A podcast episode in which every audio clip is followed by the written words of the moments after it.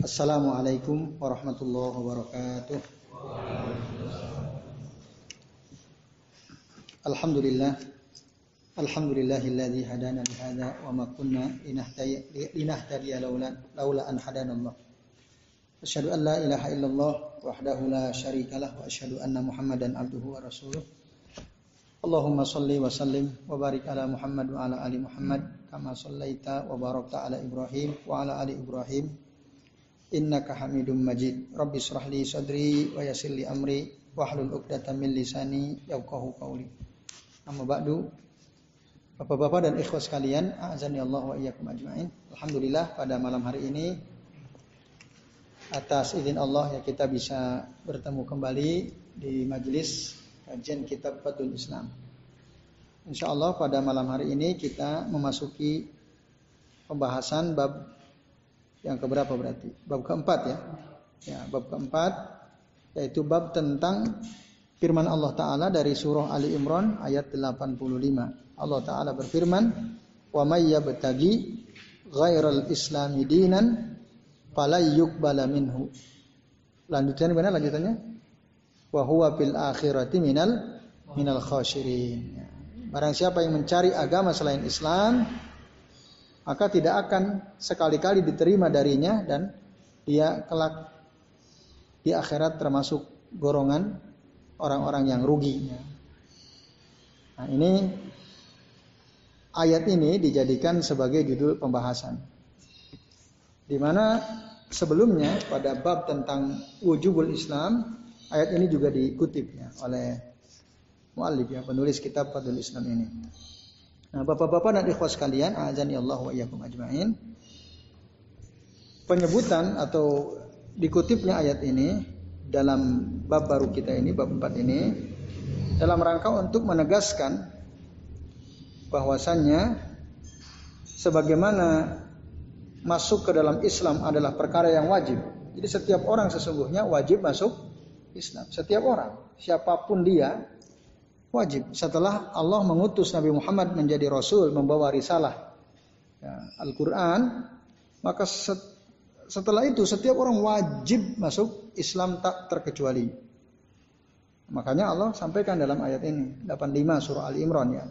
Barang siapa yang mencari agama selain Islam tidak akan pernah diterima darinya. Di akhirat kelak dia termasuk orang yang rugi. Nah, ini menegaskan tentang wajibnya masuk Islam. Sekaligus untuk menegaskan bahwa keluar dari Islam, keluar dari Islam, nah, tidak akan diterima. Seseorang sudah menjadi Muslim, masuk ke dalam Islam, lalu dia keluar karena murtad misalnya, dia tidak akan diterima. Apalagi yang memang belum masuk Islam ya, apa pun agamanya. Orang yang pernah menjadi Islam, menjadi Muslim lalu keluar murtad dia tidak akan diterima. Termasuk, nah, di sini katakan au bi ihdasil bidah, termasuk orang yang membuat perkara bah, baru dalam agama, tidak akan diterima. Sesuatu yang baru dalam urusan agama yang dibuat-buat oleh seseorang atau dilakukan oleh seseorang tidak akan diterima. Nah, ini Bapak-bapak dan ikhwas sekalian, azan ya Allah wa. Nah, berdasarkan ayat ini, ayat 85 dari surah Ali Imran ini, dalam kitab I'lamul Anam dikatakan maka manusia itu berdasarkan standar ayat ini itu ada dua kelompok besar ada dua kelompok besar. Kelompok yang pertama adalah kelompok yang memang dari asal mereka bukan orang Islam. Fi'atun ghairul muslimin min atba'il milal al mukhtalifah dari para pengikut agama-agama yang bermacam-macam itu. Ada agama Yahudi, Nasrani, Hindu, Buddha, Konghucu, Sinto, dan lain sebagainya. Ini kelompok pertama. Fi'atun ghairul muslimin. Maka kelompok ini sama sekali tidak akan diterima dari mereka amalan-amalan mereka setelah Allah mengutus Nabi Muhammad Wasallam. Karena tidak ada agama selain Islam yang diterima oleh Allah. Bahkan meskipun meskipun ada misalnya sekarang ini orang yang betul-betul mengikuti ajaran Taurat yang murni misalnya. Misalnya atau mengikuti ajaran Nabi Isa, mengikuti Injil yang murni misalnya. Masih ada sekarang misalnya murni betul-betul belum ada perubahan. Walaupun kan sudah banyak dirubah oleh mereka. Seandainya ada yang betul-betul murni mengikuti ajaran Nabi Musa, Nabi Isa alaihi wasallam, maka itu pun tidak akan diterima. Tidak akan diterima. Karena setelah Allah mengutus Nabi Muhammad menjadi rasul, semua ajaran agama sebelumnya di mansuh, diha, dihapus dan wajib mengikuti apa yang dibawa oleh Rasulullah Muhammad SAW. Nah, itu kelompok pertama itu, ikhwas kalian. Nah, kelompok yang kedua adalah fiatul muslimin min hadhil ummah. Kelompok kaum muslimin itu sendiri dari umat ini. Maksudnya dari umat Nabi Muhammad Shallallahu Alaihi Wasallam. Yang lam ya'khudul Islam kama ja'a fil kitabi wa sunnah. Alladzina lam ya'khudhu al-Islam kama ja'a fil kitabi was sunnah. Nah, ini yaitu mereka yang tidak mengambil Islam sebagaimana dibawa oleh Al-Qur'an dan sunnah. Jadi mereka berislam tapi tidak mengikuti Quran dan sunnah. Ngaku dirinya anak muslim, saya muslim. Ini KTP saya Islam. Tapi kesehariannya, amalannya, dia banyak mengambil amalan yang tidak ada dalam Al-Quran dan dan Sunnah. Maka ini termasuk tidak akan diterima. Fala yuk, ya, fala yuk bala minhu. Tidak akan sama sekali tidak akan diterima. Nah ini maka penting sekali bapak-bapak dan ikhwas sekalian. Kalau kita betul sebagai seorang muslim dan kita ingin amalan kita ini diterima oleh Allah, tidak ada caranya kecuali mengikuti Al-Quran dan dan Sunnah. Itu.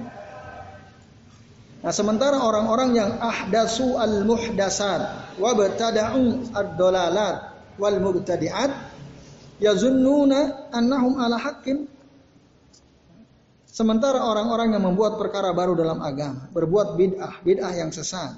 Dan semua bid'ah itu sesat. Kullu bid'atin dolalah wa kullu dolalatin binar mereka mengira bahwa mereka berada di atas kebe kebenaran. Ya zunnuna annahum ala ala al-haqqi. Ya, ala khairin wa ala sawabin. Mereka mengira mereka itu benar. Mereka berjalan di atas jalan yang baik. Nah, tapi katakan paha ulai la yuqbalu minhum ma ja'u bihi. Mereka tidak akan diterima. Amal mereka tidak akan diterima. Kenapa? Karena mereka mengambil dasar amalannya dari selain Al-Quran dan Sunnah. Itu masalah. Ini yang perlu ya kita betul-betul perhatikan ikhwas kalian. Jangan sampai kita ini mengamalkan suatu amalan yang tidak ada dasarnya. Nah itu clear ya. Maka bertanyalah pada diri sendiri, saya ngamalin ini enggak ada enggak dalilnya? Saya ngamalin amalan ini dalilnya ada enggak? Cari, nggak ada tinggalin. Nggak bisa nyari sendiri tanya, Ustaz ini gimana? Ini gimana misalnya? Pada orang yang kira-kira menurut antum dia paham. Kalau nggak ada, meskipun seribu orang bahkan jutaan orang melakukannya, tinggalin. Meskipun dari jutaan orang itu ada banyak profesor dokternya, lulusan pesantren di pesantren tahunan gitu, bertahun-tahun, selama apa yang mereka kerjakan itu tidak diambil dari Quran dan Sunnah dalam urusan agama ini, nah, dalam urusan agama maka jangan diikuti, tapi tinggalkan. Nah ini bapak-bapak dan ikhwas sekalian, azan ya Allah wa iyyakum ajmain. Jadi ayat ini menjelaskan tentang dua kelompok manusia tadi secara umumnya.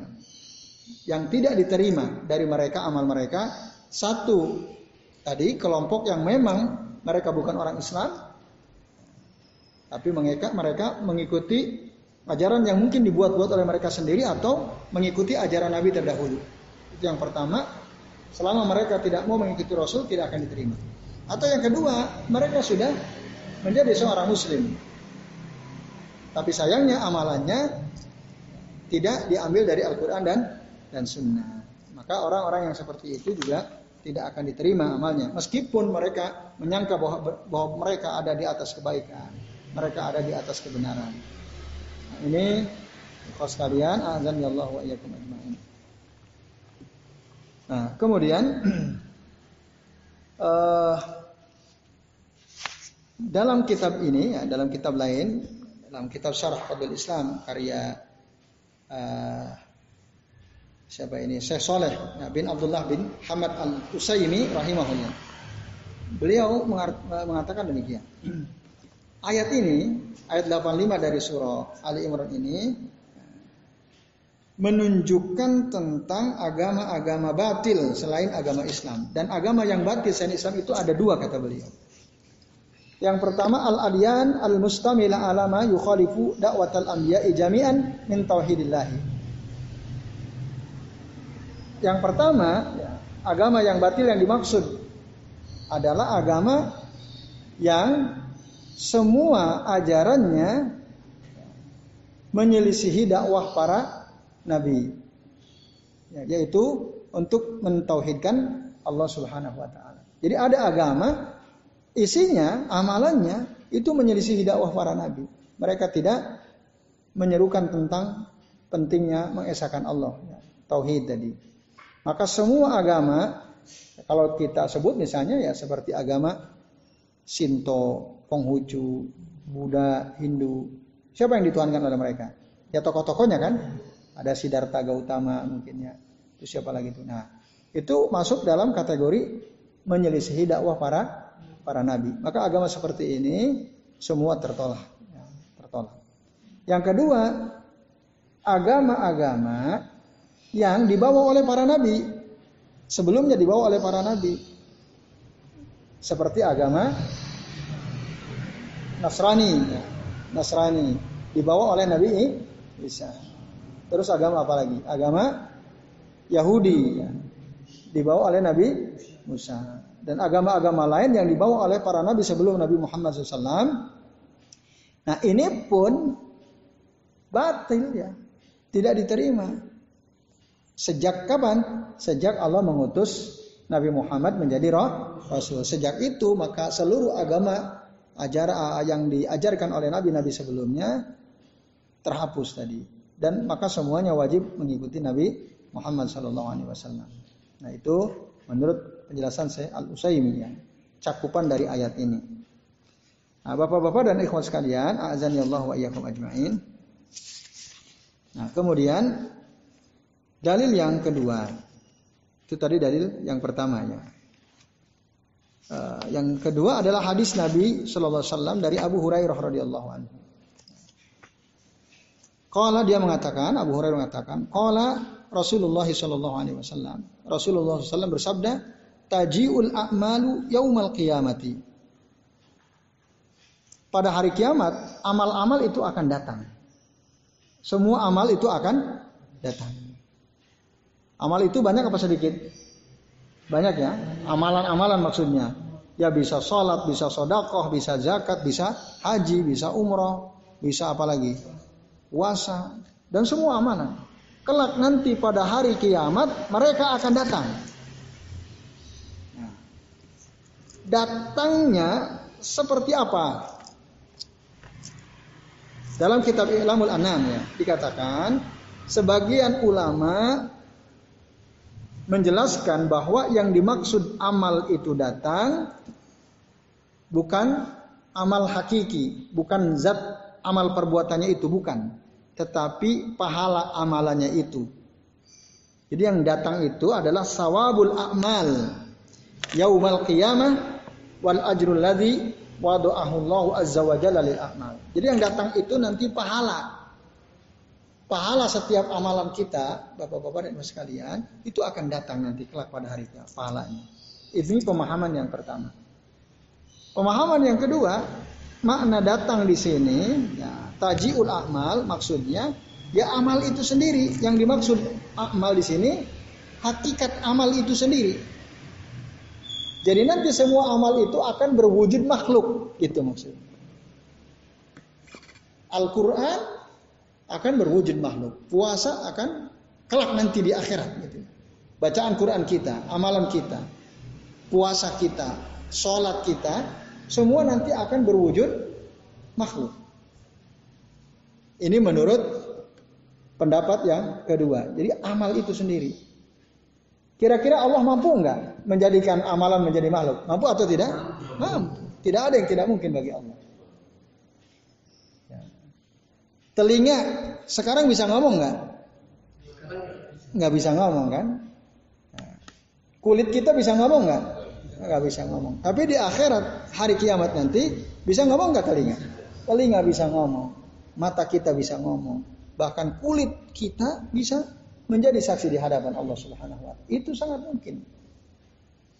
Inna zalika 'alallahi yasir. Sesungguhnya perkara tersebut bagi Allah sangat mudah, Bapak-bapak dan ikhlas sekalian. Nah, makna yang kedua inilah ya, yang lebih kuat. Jadi makna inilah yang lebih kuat menurut para ulama dari ahlu sunnah wal wal jamaah. Kenapa? Ya, karena annal asla fi al umur al ghaibiyah karena pada dasarnya perkara-perkara gaib itu ini kan perkara gaib nanti ya, belum terjadi. Rasul sudah menceritakan. Itu ya, antukirra ala zahiriha. Kita harus menetapkan sebagaimana zahirnya, zahir nasnya. Kalau nas atau dalilnya mengatakan datang, ya berarti puasa datang, sholat kita datang dan seterusnya. Dalam bentuk, ya betul-betul dia bisa datang. Nah itu maksudnya. Lalu, pataji ussalah, sholat akan datang pada hari kiamat kelak. Sholat kita, kita sering sholat, nanti dia akan datang. Berwujud makhluk gitu ya. Datang, lalu akan berkata di hadapan Allah, Ya Rob, ana as -salat. Duhai Tuhanku, saya ini sholat. Nah, maksudnya sholat si fulan ini. Fayaqul lalu Allah akan berkata kepada si sholat itu tadi innaka ada khairin sesungguhnya engkau berada di atas keba kebaikan. Nah, Bapak-bapak dan ikhwas sekalian, kata-kata sholat ya, eh, Allah mengatakan innaka ala khairin ini menunjukkan tentang husnul adab ya. Baiknya etika gitu ya. Terhadap siapa? Ma'aman rama syai'an walam yastahiquhu.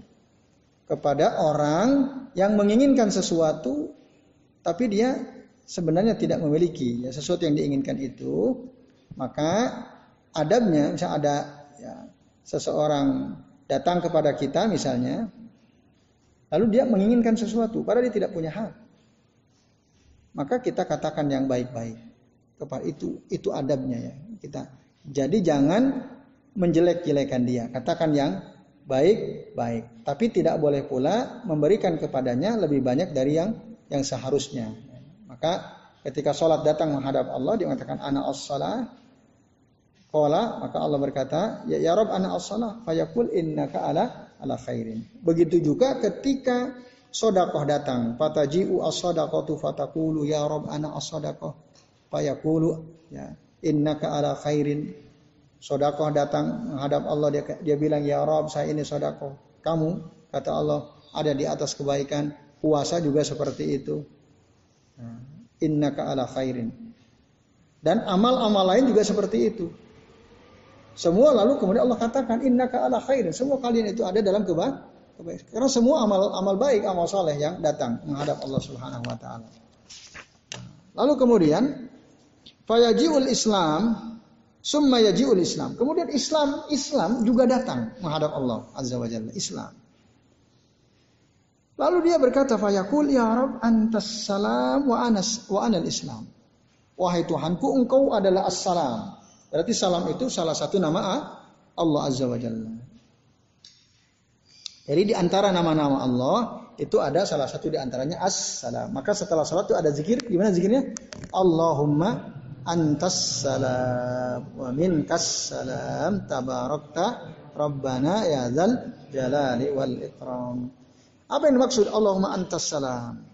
Ya Rabb antas salam wa anal Islam. Maksudnya antas salam itu, engkau ya Allah adalah sumber keselamatan. Semua keselamatan yang ada itu sumbernya dari dari Allah Azza wa Jalla. Kita selamat itu karena Allah. Semua makhluk selamat juga karena Allah Azza wa Jalla. Itu yang maksud antas salam. Lalu si Islam ini bilang, wa anal Islam, saya Islam. Lalu apa kata Allah? Fayaqul fayakunullahu azza wa jalla Allah berkata kepada si Islam ini innaka ala ala khairin. Jawabannya juga sah, sama. Sesungguhnya engkau di atas keba kebaikan. Nah, ini ikhwas kalian azani Allah wa iyyakum ajmain.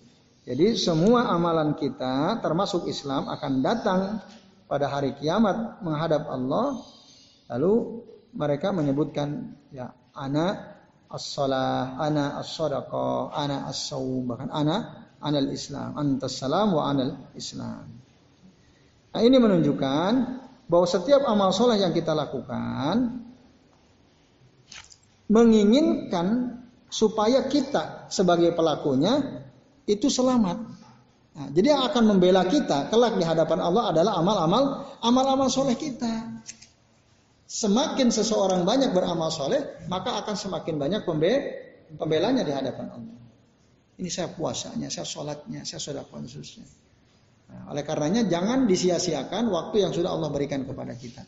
Isilah selalu setiap waktu kita dengan amal amal soleh.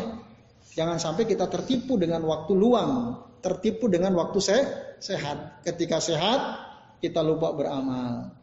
Ketika luang, kita tidur terus gitu ya, lupa beramal.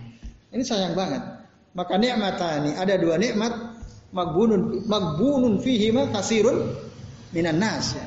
Banyak orang tertipu oleh uh, dua perkara ini. Dua nikmat ini. Apa itu? As-sihhatu wal farog, kesehatan dan waktu waktu luang. Waktu sehat ibadahnya malas-malasan. Salatnya jarang ber, berjamaah. Habis sholat langsung keluar masjid nggak zikir dulu, nggak sholat ba'diyah dulu, baru punya kesempatan. Nah ini sekalian. Maka supaya kita tidak tertipu oleh dua nikmat ini, manfaatkanlah setiap waktu kita untuk beribadah. Beribadah itu apa? Ya macam-macam. Diamnya kita kita gunakan untuk zik, zikir, untuk banyak istighfar, astagfirullah, astagfirullah, astagfirullah. Tapi sayang kebanyakan kita ketika punya waktu luang dihabiskan untuk lihat Twitter, WhatsApp, Facebook kan begitu ya. Ngikutin berita. Yang lebih parah lagi, dia habisin main game 24 jam ya. Wah itu parah betul itu ya. Itu ada orang, dia betah sekali. Masih mending ada yang saya lihat ya ada orang, dia main game terus. Waktunya sholat berhenti dia sholat. Habis sholat balik lagi main game lagi. Nanti azan asar berhenti sholat. Saya ada tuh saya lihat orang seperti itu. Setelah selesai asar, main game lagi. Jadi dia berhentinya waktu sholat sama makan toh. Masih mending. Tapi parah juga ya. Yang lebih parah lagi, main game tanpa henti sholat lewat gitu ya. Bahkan makan pun enggak. Kecuali mungkin udah lapar banget gitu. Itu pun makan sambil main game. Nah itu, masya Allah.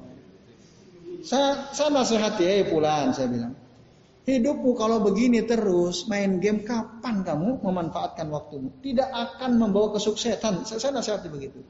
Waktu yang engkau gunakan untuk main game itu. Dia bilang apa? Bisa juga kok. Banyak orang dapat uang kaya gara-gara game katanya. Mobil Legend tuh main dapat hadiah katanya. Nah, ente dapat enggak?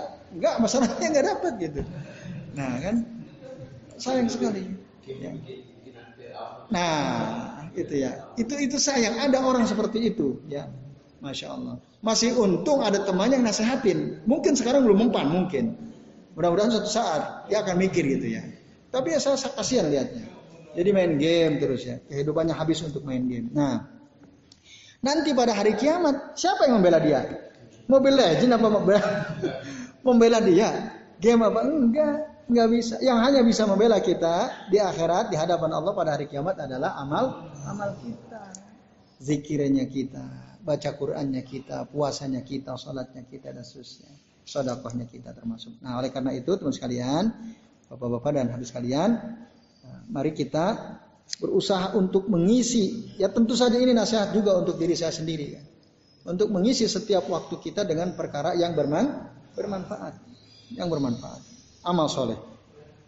Nah, lalu kemudian bapak-bapak dan ikhwas sekalian, ketika Islam tadi datang ya, anta assalam wa anal wa anal Islam.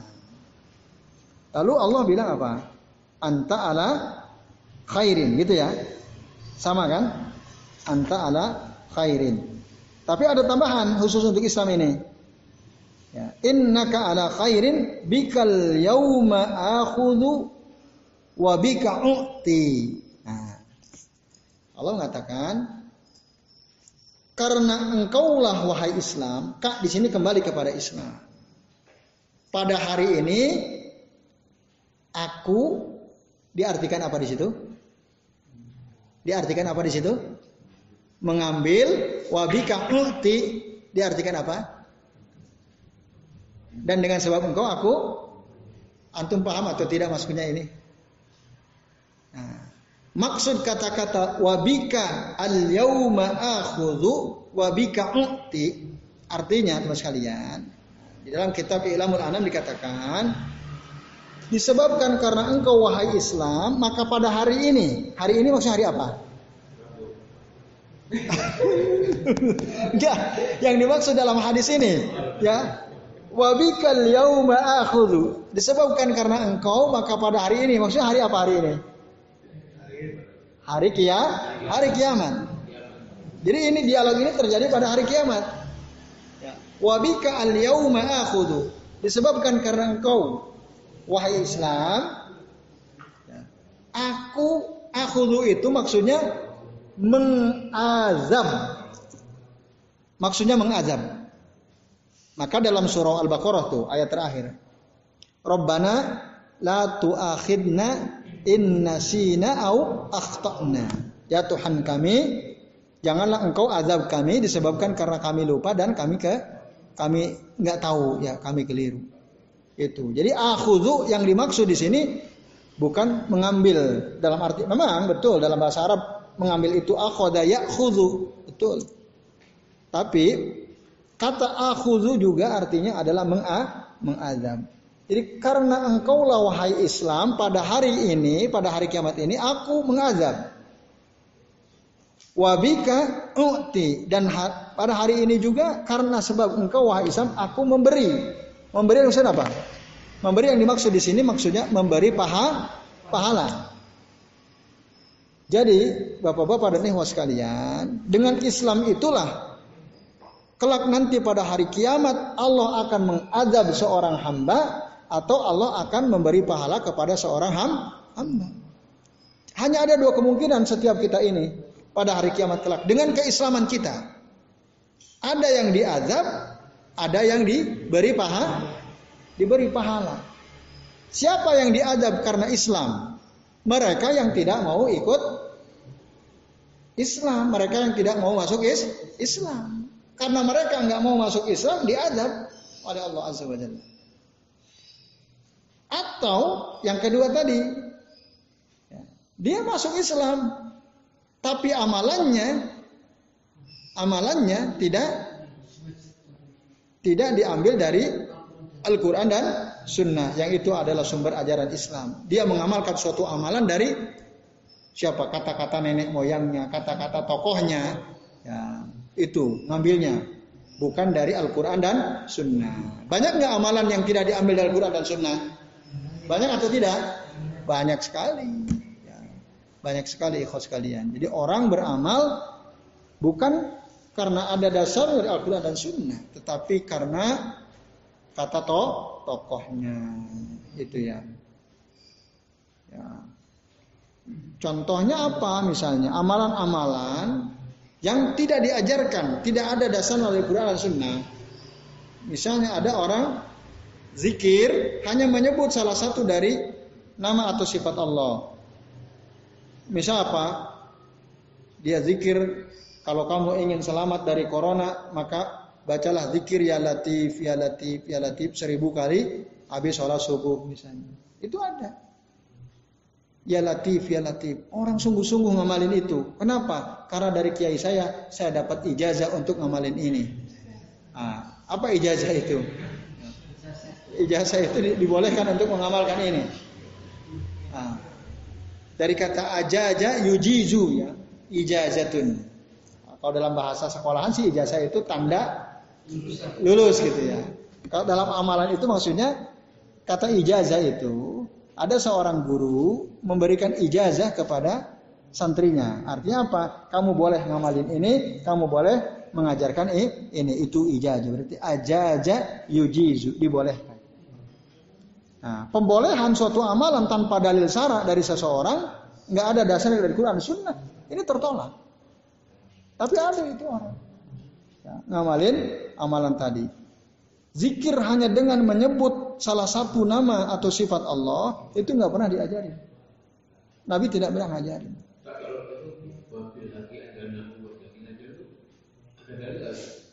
Wabil haki anzalnahu wabil haki nazal. Itu hadis apa bukan itu pertanyaannya? Allah alam saya belum belum belum tahu ya apakah hadis tapi itu tentu saja benar kata-kata itu. Wabil haqqi anzalnahu dengan kebenaran Allah ya, menurunkan Quran itu maksudnya. Dengan kebenaran Allah menurunkan Al-Qur'an wabil haqqi nazal dan dengan membawa kebenaran Al-Qur'an tuh turun. Nah, itu benar kata-kata itu benar. Apakah itu hadis atau tidak? Saya, saya belum tahu ya. Tapi kalimat itu benar. Kalau yang dimaksud adalah Al Al-Qur'an. Ya tentu Al-Qur'an kan membawa kebenaran kan? Ya. Al-Qur'an semua isi dalam Al-Qur'an itu benar ya. Allah alam apakah itu hadis atau bukan? Coba saya cek ya. Apakah itu hadis atau bukan? Tapi memang saya pernah dengar kalimat tersebutnya. Wabil haqqi anzalnahu gitu ya Pak. Pak Widoro ya. Nah, kita lihat apakah ada wabil haqqi anzalna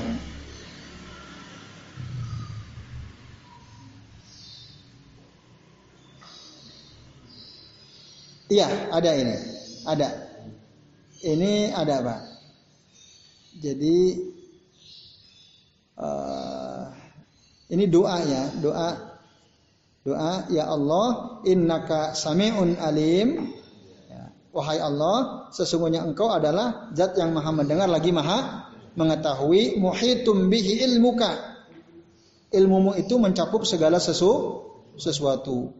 Nah, kemudian wabil haqqi anzalnahu wabil haqqi nazal. Dengan kebenaran nah, kami turunkan Al-Quran dan dengan kebenaran pula Al-Quran turun. Nah, nah, kata itu ada juga dalam Al-Quran yaitu surah Al-Isra ayat 105 ada dalam Al-Quran surah Al-Isra ayat bisa bapak-bapak buka ya, bisa teman buka. Itu itu kat, uh, apa ayat Quran. Kalimat dalam ayat Al-Quran surah Al-Isra ayat 105. Wabil haqqi anzalnahu wabil haqqi nazal. Itu Al-Quran, ayat Quran. Gitu. Nah. Baik sekalian, nah, kita kembali ke sini. Jadi disebabkan karena Islam ada orang yang diazab oleh Allah. Ada. Siapa satu yang tidak mau menerima is Islam? Atau yang kedua, dia menerima Islam hanya saja amal-amalnya itu tidak diambil dari sumber-sumber is Islam. Tadi saya kasih contoh. Ya. Jadi ada orang mengamalkan suatu amalan tanpa ada dasar, tanpa ada perintahnya dari Nabi Shallallahu Alaihi Wasallam. Dan itu banyak, yang kayak gitu itu banyak. Kalau kita tanya orang-orang banyak yang saya pernah cerita juga ya. Jadi ada zikir ditulis di poster, ditaruh di pinggir-pinggir jalan. Nah, barang siapa yang membaca zikir ini, maka tikus-tikus tidak akan berani masuk sawah kita. Itu anggota dewan loh, fotonya. Anggota dewan. Nah, kan? Nah, itu ya. Itu contohnya seperti itu ya.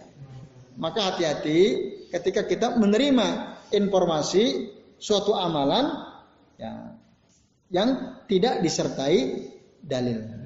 Lebih baik kita tawakuf, berhenti di situ. Kita oke okay, kita terima tapi kita tidak amalkan sampai kita tahu oh ada dalilnya, ada dasar baru kita amalkan. Ya ini bapak-bapak dan ikhlas kalian. Nah, yang kedua, wabika uti dan dengan, disebabkan karena engkau Islam, aku memberi, memberi apa pahala.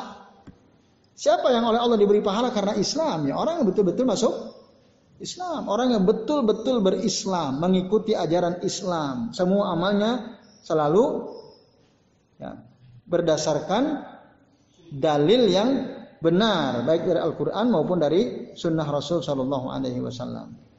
Nah, ini Bapak-bapak dan ikhwas sekalian. Jadi itulah yang akan mendapatkan keselamatan. Yaitu mereka yang betul-betul berislam semua amalnya senantiasa diambil dari sumber-sumber yang kokoh dari Islam yaitu Al-Quran dan Sunnah. Jadi saya kira ini ya, penjelasan dari dalil yang kedua yaitu hadis Nabi SAW dari Abu Hurairah dan hadis ini diriwayatkan oleh Imam Ahmad. Tetapi nah, di sini ada catatan para ahli hadis mengatakan hadis di atas ini termasuk hadis yang sanadnya le, lemah. Ya, isnaduhu dhaif. Ada penjelasan. Hadis tadi ya tentang al, apa? Salat datang, ya Rob anas salat, puasa datang, sedekah datang, ya Rob anas sedekah. Nah, secara sanad secara sanad hadis ini ada kala kelemahan. Nah, tetapi secara makna benar bahwa memang kelak amal-amal soleh kita itu akan akan datang. Itu. Jadi ini hadis termasuk ya, dhaifun sanadan wasahihun matanan. Secara hakikat maknanya benar. Nah, itu didukung misalnya oleh hadis Nabi SAW di mana Nabi pernah mengatakan iqra'u al-Qur'an Fa innahu Bacalah oleh kalian Al-Quran karena sesungguhnya Al-Quran itu Ja'a yaumal qiyamati safi'an li ashabihi. Al-Quran akan datang kelak pada hari kiamat menjadi penolong safi'an li ashabihi. Bagi siapa? Bagi para pemba para pembacanya. Gitu. Nah, baca Quran pun amal soleh. Dari situ lalu kemudian seluruh amal soleh akan datang juga sebagaimana Al-Quran datang akan menjadi syafaat. Maksudnya apa? Membantu, menolong para pelakunya ya, para pengamalnya.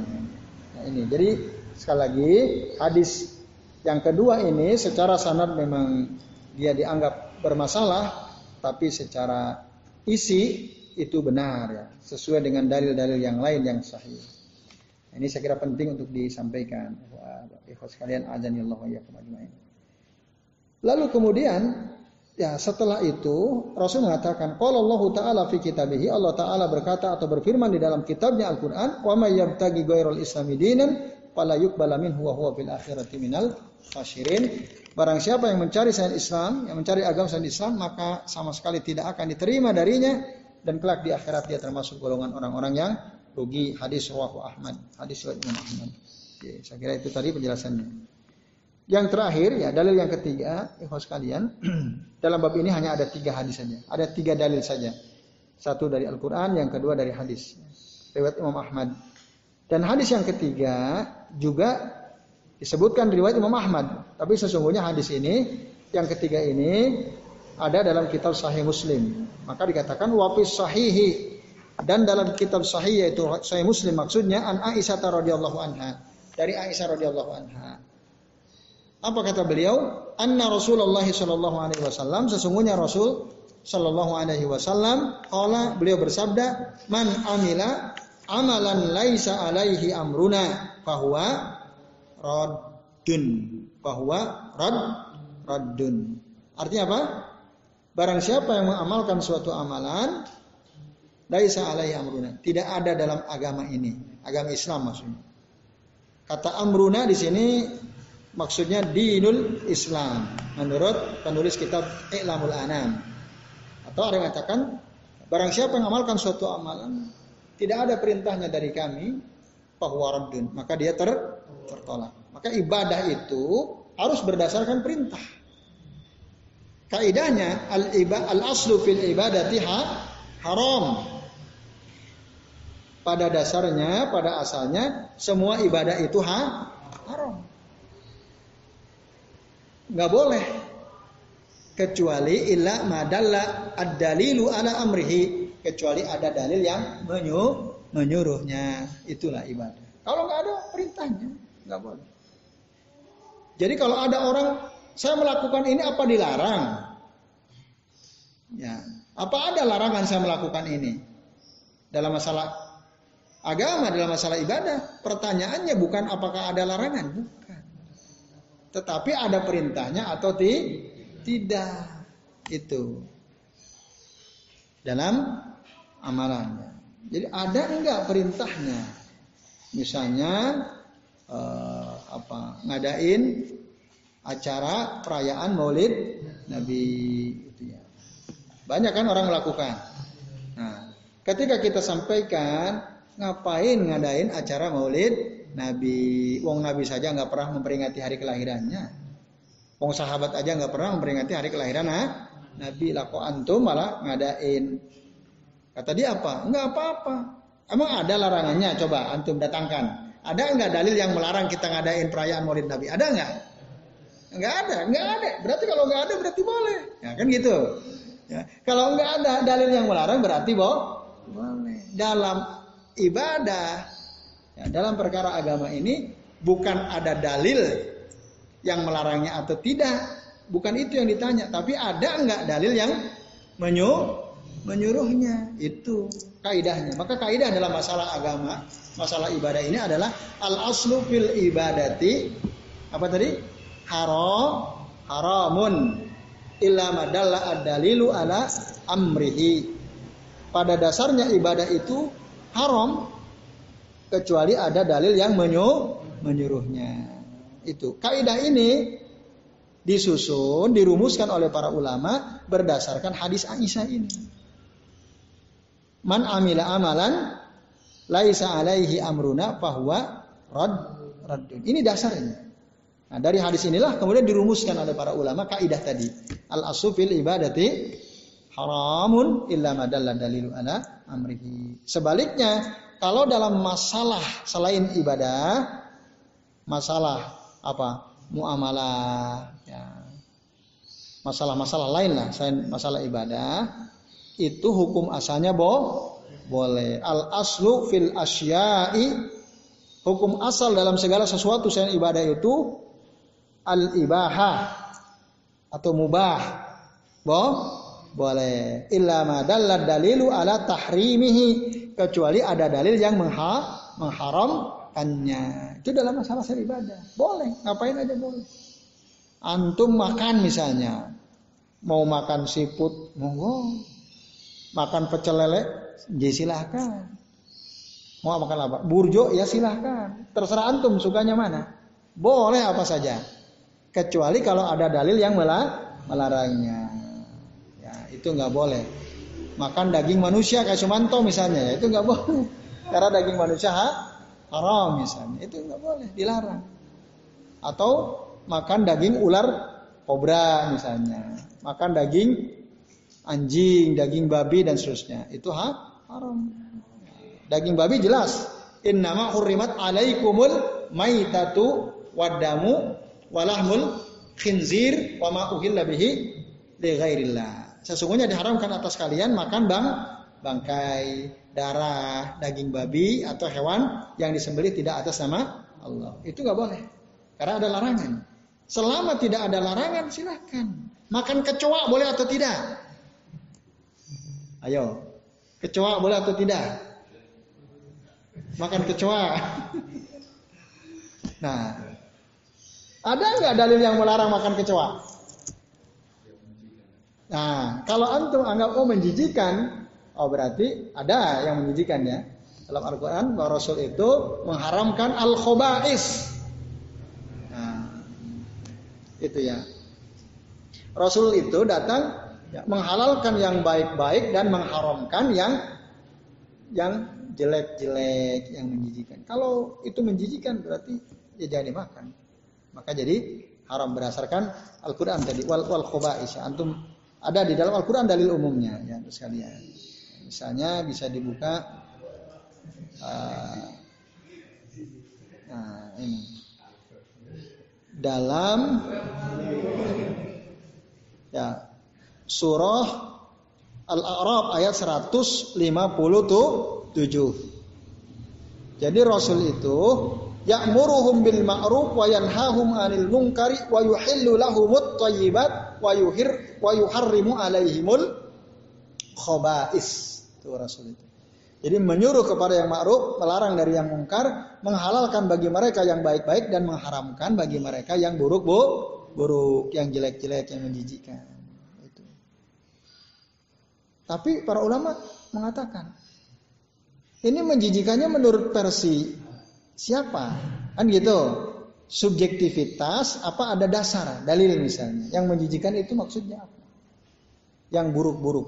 Nah, ada yang mengatakan ya, yang buruk-buruk menurut ya, urf ya, menurut kebiasaan masyarakat, yang buruk-buruk menurut akal kita.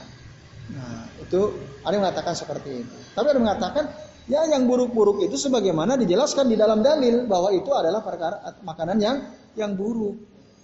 Itu. Selama tidak ada penjelasan dalilnya, maka tidak dibilang buruk. Walaupun boleh saja seseorang karena merasa tidak enak, dia nggak mau, silahkan. Asal dia asal dia jangan bilang haram. Itu. Rasul pernah disuguhi daging kadal gurun, dom, kadrun, kadal gurun ya. Nah, di, disuguhi Rasul nggak mau, tapi para sahabat seperti Khalid bin Walid mau.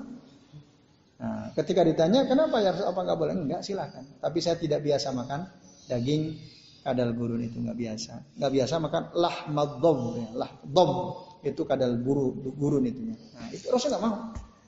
Tapi Rasul nggak mengharamkan. Ya silakan yang lain yang mau. Itu silakan.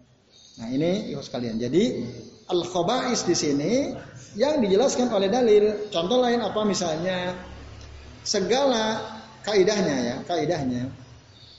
Ada kitab judulnya itu al hayawanat alati yajuzu akluha wala yajuzu akluha. Ini kitab tipis tapi bagus ya hewan-hewan yang boleh dimakan dan tidak boleh dimakan. Disebutkan kaidah-kaidahnya. Setiap hewan yang dilarang oleh Nabi untuk dibunuh, maka dia haram. Apa misalnya hewan yang dilarang untuk dibunuh? Dilarang untuk dibunuh. Semut, ya, burung hud-hud, apalagi? An-namlatu wan nahlatu wal hud-hud kata Rasul ada hewan yang tidak boleh dibunuh. An-namlah itu semut, yang kedua an-nahlah. Nahlah itu tawon. Apa? Nahlah itu lebah, lebah. Tawon sama lebah sama nggak ya? Sama ya? Ya, yang bikin madu itu loh. Nah, dan yang ketiga al-hudhud, burung hudhud. Itu nggak boleh dibunuh. Maka setiap hewan yang dilarang dibunuh, dia haram dimakan. Karena kalau antum makan, ya mati dia. Iya kan? Ya berarti artinya dia nggak boleh di, dimakan. Ada nggak orang suka semut? Hati-hati tuh makan semut ya. Kecuali kalau nggak sengaja. Nah di teh ada semut kemakan, nah, itu nggak sengaja, nggak masalah. Tapi kalau sengaja antum kumpulin semut, ya, semut terang-terang, semut merah, antum goreng jadi ya, jadi peye. Nah ini ada, ada nggak? Ada. Nah, itu nggak boleh. Gitu. Lebah ada nggak yang suka makan lebah? Nggak ada ya. Kecuali telurnya barangkali ya. Telur lebah ada ya. Kalau telur termasuk lebah apa bukan telur? Berarti bukan ya.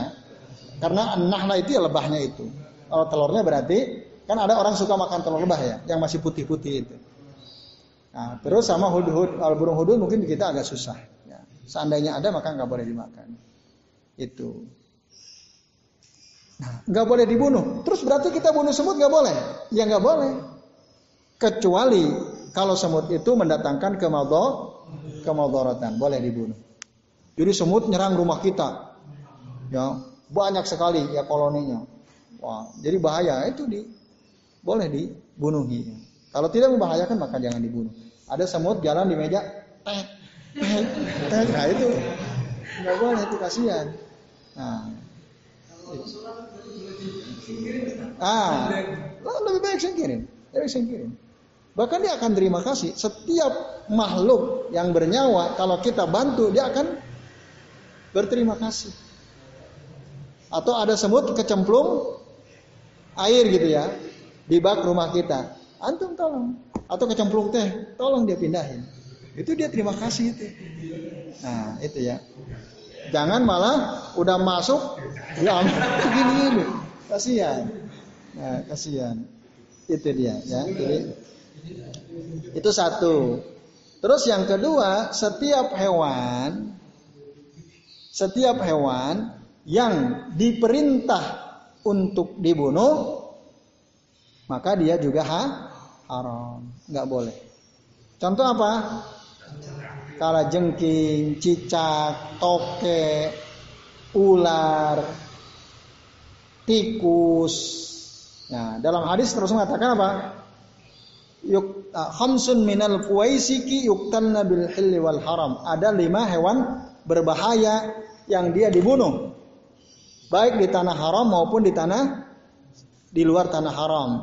Tanah haram maksudnya di Makkah Madinah ya. Boleh dibunuh atau di luar itu. Siapa saja yang lima ini? Apa saja? Yang pertama al al akrob kalajeng jengking, al fa'roh tikus, ya kemudian al af'a ular, kemudian al gurab burung gagak, al kalbul akur anjing li liar itu dibunuh, bunuh boleh dibunuh. Ah itu ya. Maka setiap hewan yang disuruh ada perintahnya untuk dibunuh, hukum memakannya ha. Ini jangan malah wah ini tantangan nih, makan sate burung gagak, makan sate kalah jeng jengking, kan ada tuh, ya. Nah, biar apa? Biar stamina-nya hebat gitu kan. Nah, ini bahaya nih ya, terus kalian itu. Nah, maka tadi kembali bahwa kaidahnya dalam urusan selain urusan ibadah semua bo boleh kecuali ada dalil yang melarangnya. Termasuk yang melihara kodok boleh atau tidak? Meliharanya boleh gak nah kalau meliharanya silakan aja kalau mau. Cuma kalau kodok itu untuk dikonsumsi, ah ini nggak boleh. Untuk dimakan. Nah, orang orang Cina kan itulah agamanya nggak jelas ya, Konghucu ya. Nah, karena apa? Ada hadisnya. Waktu itu ada seorang tabib datang kepada Nabi SAW. Ya Rasulullah, duhai Rasulullah, Aktudu adibda. Apakah saya boleh membunuh dibda? Dibda bahasa Arabnya dibda itu kodok. Boleh nggak saya bunuh itu? Lah kata Rasul nggak boleh. Liddawa iya Rasulullah. Untuk obat ya Rasulullah. Nah nggak boleh. Meskipun untuk obat tidak boh, boleh. Maka kodok ya, dan sejenisnya tidak boleh dimakan. Berdasarkan kaidah bahwa setiap hewan yang tidak boleh dibunuh itu haram atau setiap hewan yang diperintah untuk dibunuh ha, haram atau setiap hewan yang memang diharamkan oleh nas maka dia haram itu sekalian nah itu nah tadi kembali bahwa dalam urusan agama urusan ibadah hukum asalnya adalah haram kecuali ada dalil yang menyuruhnya tapi dalam urusan selain ibadah hukum asalnya adalah halal boleh kecuali ada dalil yang melarangnya. Ya terakhir di pakaian contoh lainnya.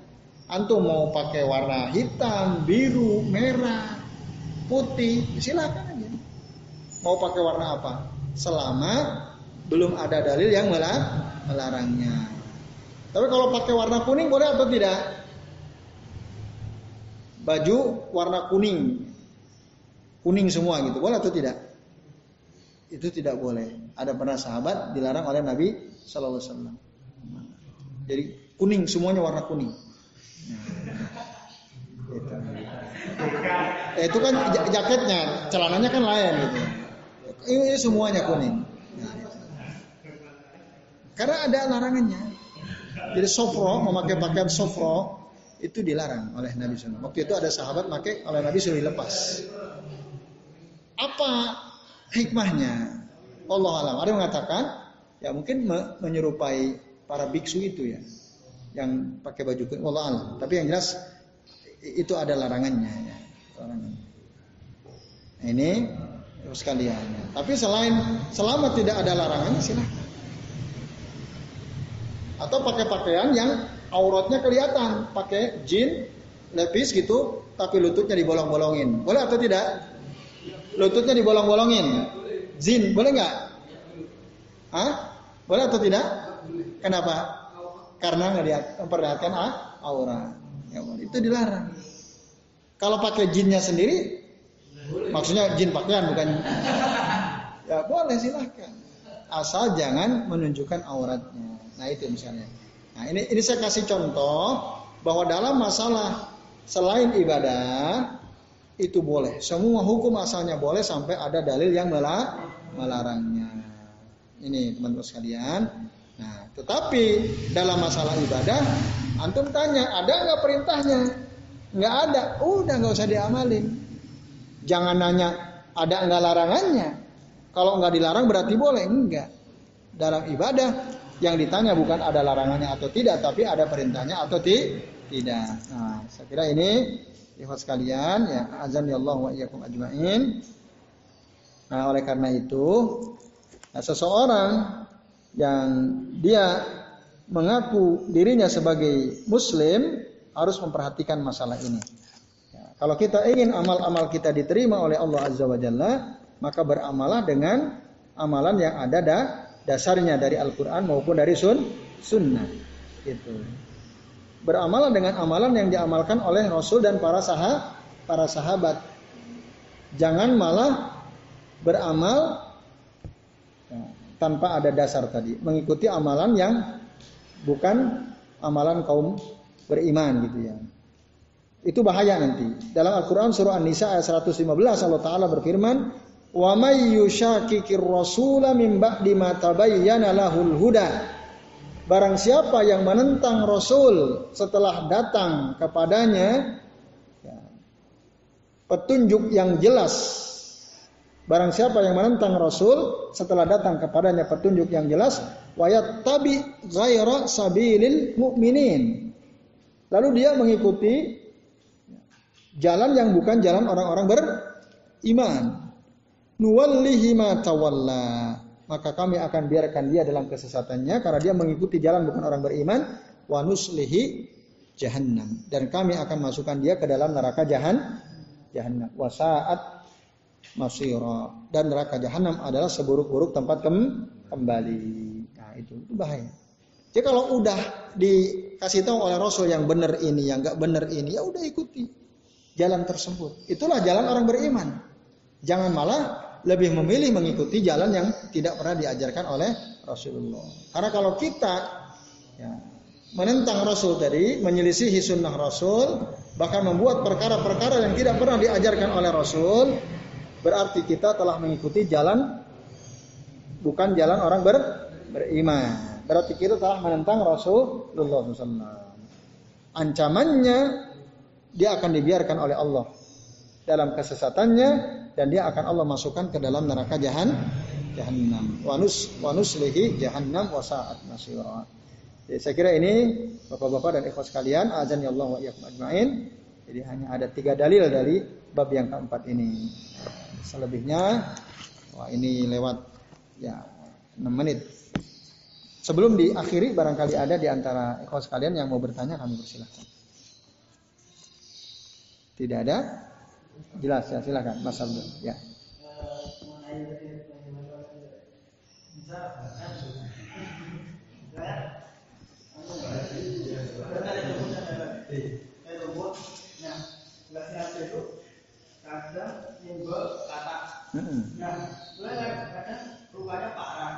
Pakai nyenggol nyenggol pakai tangan apa nyenggol pakai bare itu?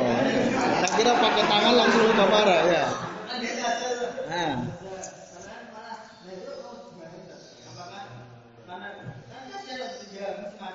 Ah. Dibiarin dalam keadaan luka parah. Ah. Ya. Baik, ini susah pertanyaan ini. Mas ini. Ya, tadi kan kita bahas bahwa uh, kodok atau katak itu termasuk hewan yang tidak boleh di, dibunuh. Tapi masalahnya saya tidak berniat mem, membunuh. Cuma waktu cari rumput ngarit pakai arit. Nah, kodoknya itu tertebas arit karena dia berada di bawah rumput. Luka. Lukanya parah. Gimana? Nah, melukai itu tidak berdosa karena tidak sengaja. Gitu. Nah, lalu gimana tindakan yang baik? Apakah saya biarkan dia dalam keadaan luka parah atau sekalian aja dibunuh supaya tidak tersiksa gitu ya. Baik sekalian. Gimana itu? Kalau dibunuh berarti menyelisihi larangan. Kan nggak boleh dibunuh, ini bunuh.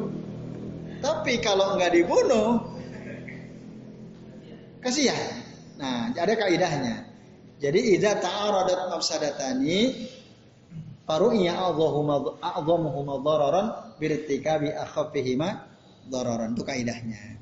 Jika ada dua kerusakan berhadap-hadapan, perhatikan mana yang madaratnya lebih besar. Perhatikan. Nah, perhatikan. Faru iya a'zamuhuma dararan. Perhatikan mana yang lebih, lebih besar madaratnya birtikabi akhaffihima dararan. Dengan melanggar dengan melanggar mana yang lebih ringan madaratnya. Nah, kira-kira madaratnya lebih besar mana? Membiarkan atau membunuh? Membunuh jelas madarat. Karena menyelisihi kan yang Nabi melarang membunuh kodok. Kalau kita bunuh berarti itu kerusakan. Ya kan? Tapi kalau nggak dibunuh, ini kodok tersiksa.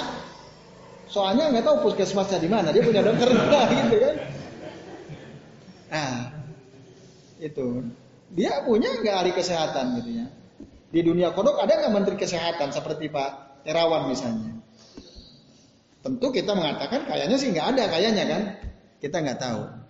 Karena dia tidak seperti kita, artinya ketika dia terluka, mungkin akan luka terus dia kesakitan. Tapi Allah alam kita nggak tahu ya. Ada nggak yang tahu? Kodok itu punya tim kesehatan nggak? Ada yang tahu nggak? kita nggak tahu kan? Dunia mereka kita nggak tahu. Nah, tapi jika menurut akal kita, nah di sini akal bisa kita gunakan. Jika menurut akal kita, kayaknya nih kodok lama-lama yang mati juga. Soalnya matanya sobek sampai punggungnya itu kena arit. Walaupun masih bisa jalan, lama-lama dia mati juga. Kayaknya sih mereka nggak punya tim kesehatan gitu. Nah, tapi daripada dia matinya kelamaan tersiksa kan gitu. Maka tadi mana lebih besar madaratnya? Kita bunuh melanggar dalil atau kita biarkan tapi menyiksa makhluk Allah. Makhluk Allah bukan? Makhluk. Tersiksa nggak dia? Tersiksa, tentu kesakitan. Nah, kira-kira menurut antum madorotnya lebih besar mana? Membiarkan dia dalam keadaan tersiksa luka oleh adik kita atau kita bunuh? Madorotnya lebih besar mana? Menurut antum kira-kira?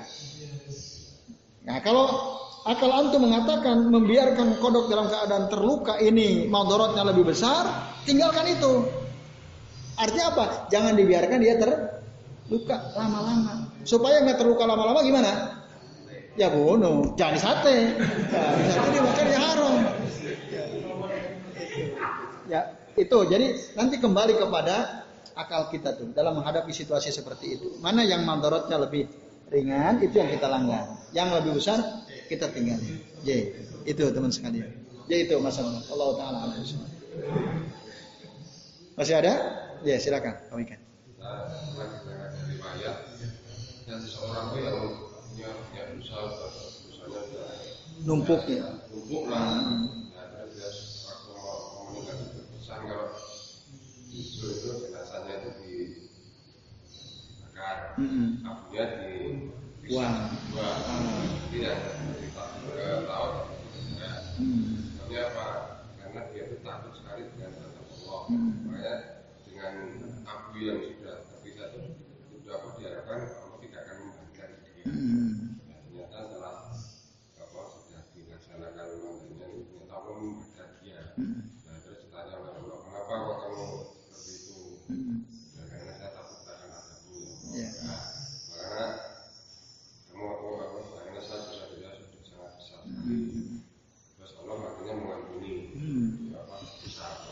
Ya, ya. Itu riwayat sahih.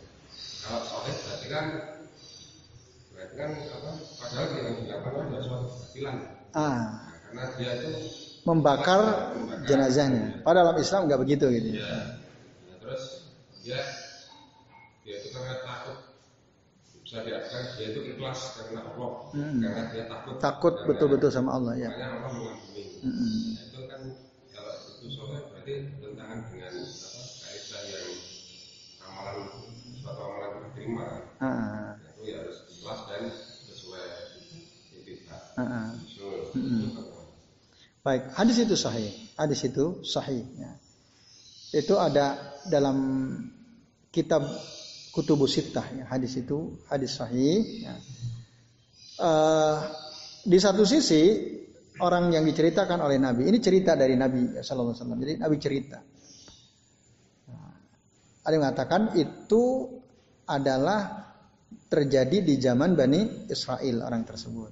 Gitu. Walaupun memang tidak boleh juga membakar jenazahnya. Karena dalam ajaran para nabi sejak Nabi Muhammad eh, Nabi Adam sampai sekarang ya dikubur. Kobil Habil ya kan? Waktu siapa yang membunuh? Kobil ya membunuh Habil. Kan dalam Al-Qur'an diceritakan dia ngelihat apa burung? Burung apa tuh? Burung gagak ya. Nah, ketika ada yang mati dia gali lalu di, dikubur. Itu syariat sampai sekarang dipertahankan. Jadi orang mati itu ya harus dikubur dalam Islam. Harus dikubur. Tidak boleh dibuang, dimakan burung. Adakah di Tebet? Eh Tebet, Tibet ya bukan Tebet ya. Di Tibet. Tebet Jakarta ya. Di Tibet itu dibuang, dimakan burung-burung pemakan bangkai itu nggak boleh. Dicemplungin ke laut itu juga nggak nggak boleh. Harus dikubur. Nah itu eh, kalian. Nah si bapak ini berwasiat kepada anak istrinya, kelak jika nanti dia mati, tolong jenazahku dibakar, abunya dibuang ke laut. Bahkan tadi kalau antum, kalau yang saya baca sih di- dilempar ke laut, ke ombak, ke lautan, ke ombak yang besar. Itu, yang saya baca dalam dalam hadisnya ya. Supaya apa? Karena kalau dilempar ke ombak besar di lautan, kira-kira gimana tuh debunya? Tercerai berberai ke mana-mana. Supaya nggak bisa dibangkitin lagi katanya. Dikiranya Allah kayak kita.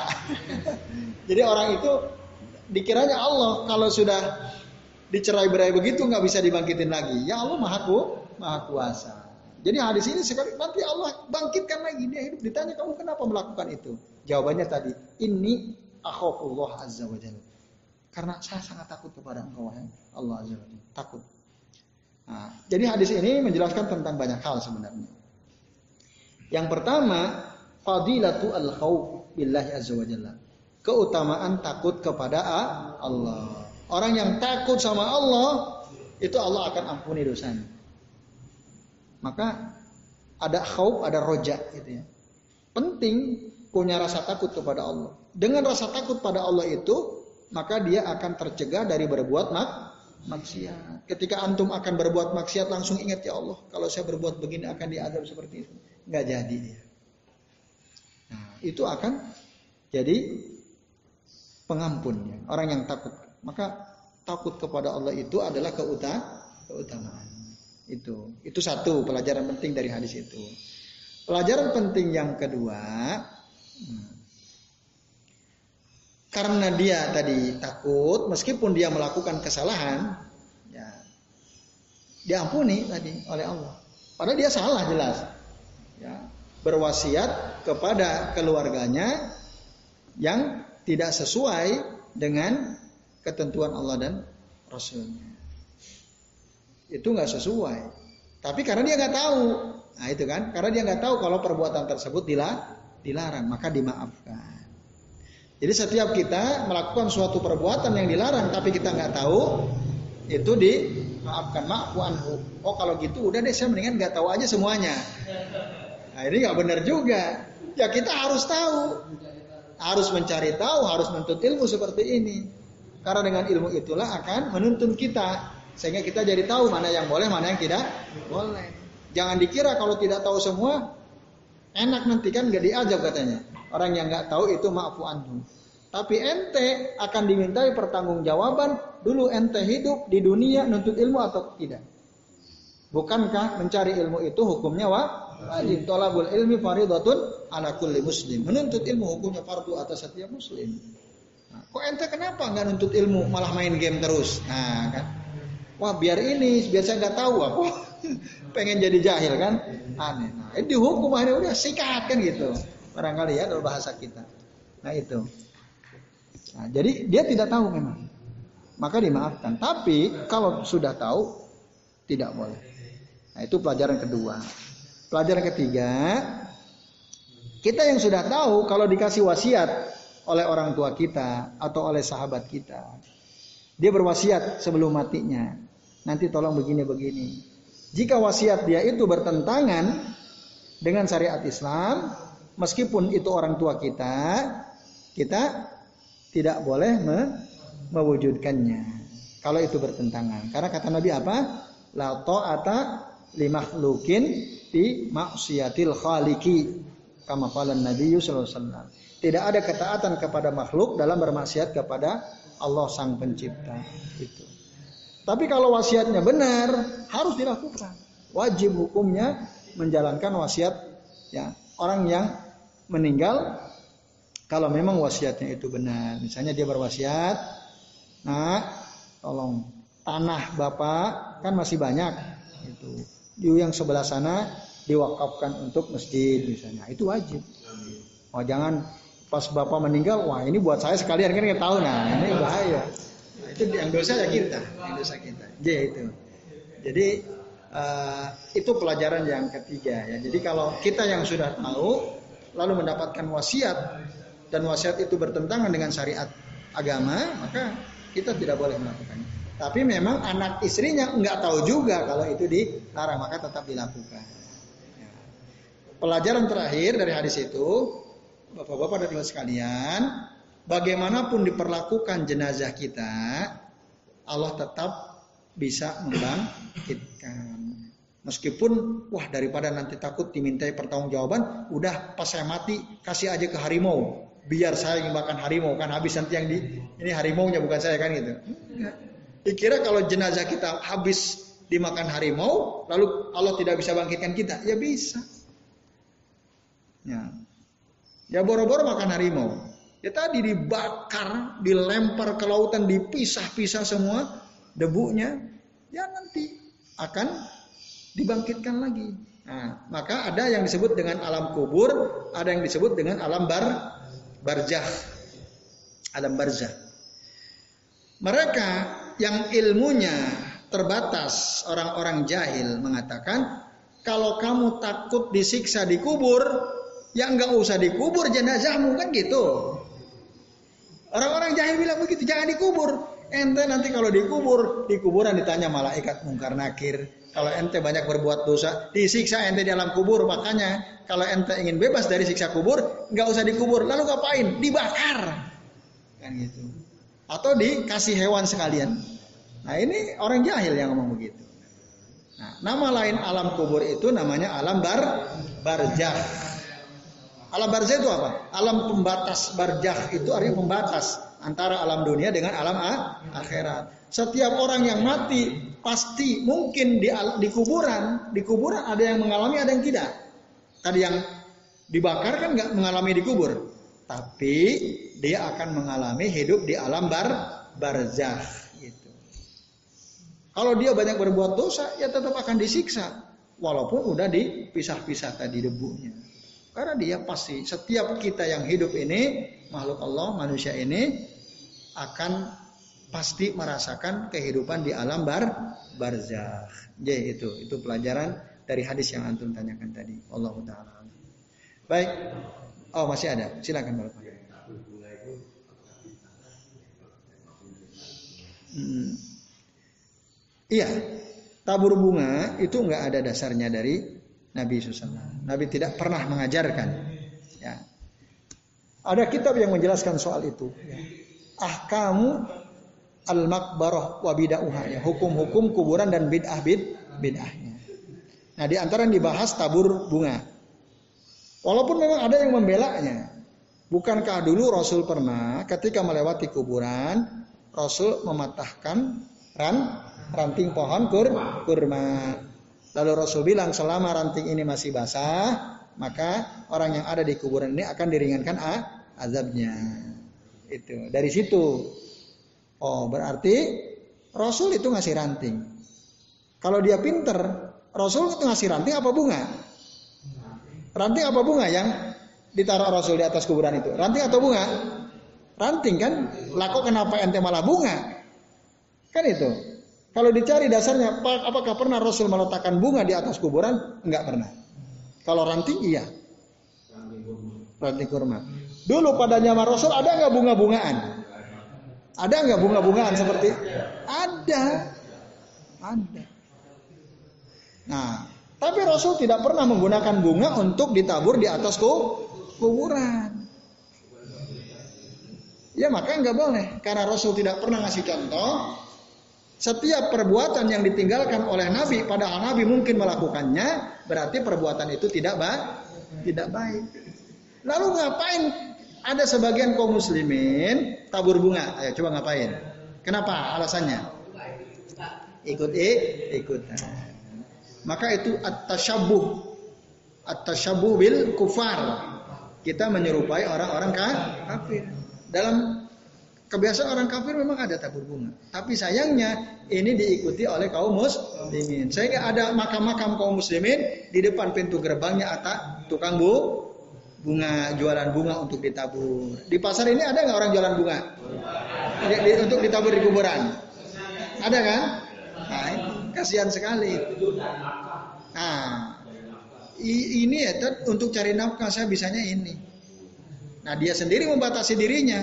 Apa betul dia bisanya hanya jual bunga? Kalau dia mau kreatif kan bisa jualan pecel. Nah, saya nggak laku-laku ya pak, ya jual yang lain. Tapi jualan bunga laku ya itu ujian, ujian.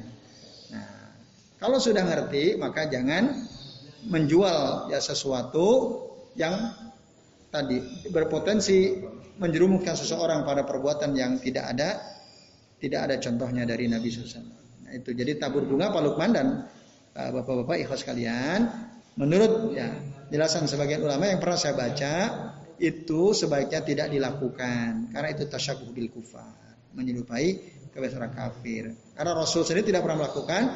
Nah, kalaupun toh Rasul tadi pakai apa ranting kurma itu kekhususan Nabi yang kita tidak bisa tiru nggak bisa nah itu ke keberkahan dari Nabi SAW jadi saya kira ini bapak-bapak dan ikhwas sekalian apa yang kita bisa kaji pada kesempatan malam hari ini semoga bermanfaatnya semoga bermanfaat dan kami mohon maaf apabila yang kami sampaikan ada kesalahan dan kekeliruan. Semoga Allah ampuni segala dosa-dosa kita semuanya. Amin ya Allah ya Rabbal alamin. Sebelum waktu saya kembalikan ke pembawa acara, saya akhiri. Wasallallahu ala Muhammadin wa ala alihi wa sahbihi wa barik wasallim billahi taufiq wal hidayah. Wassalamu alaikum warahmatullahi wabarakatuh.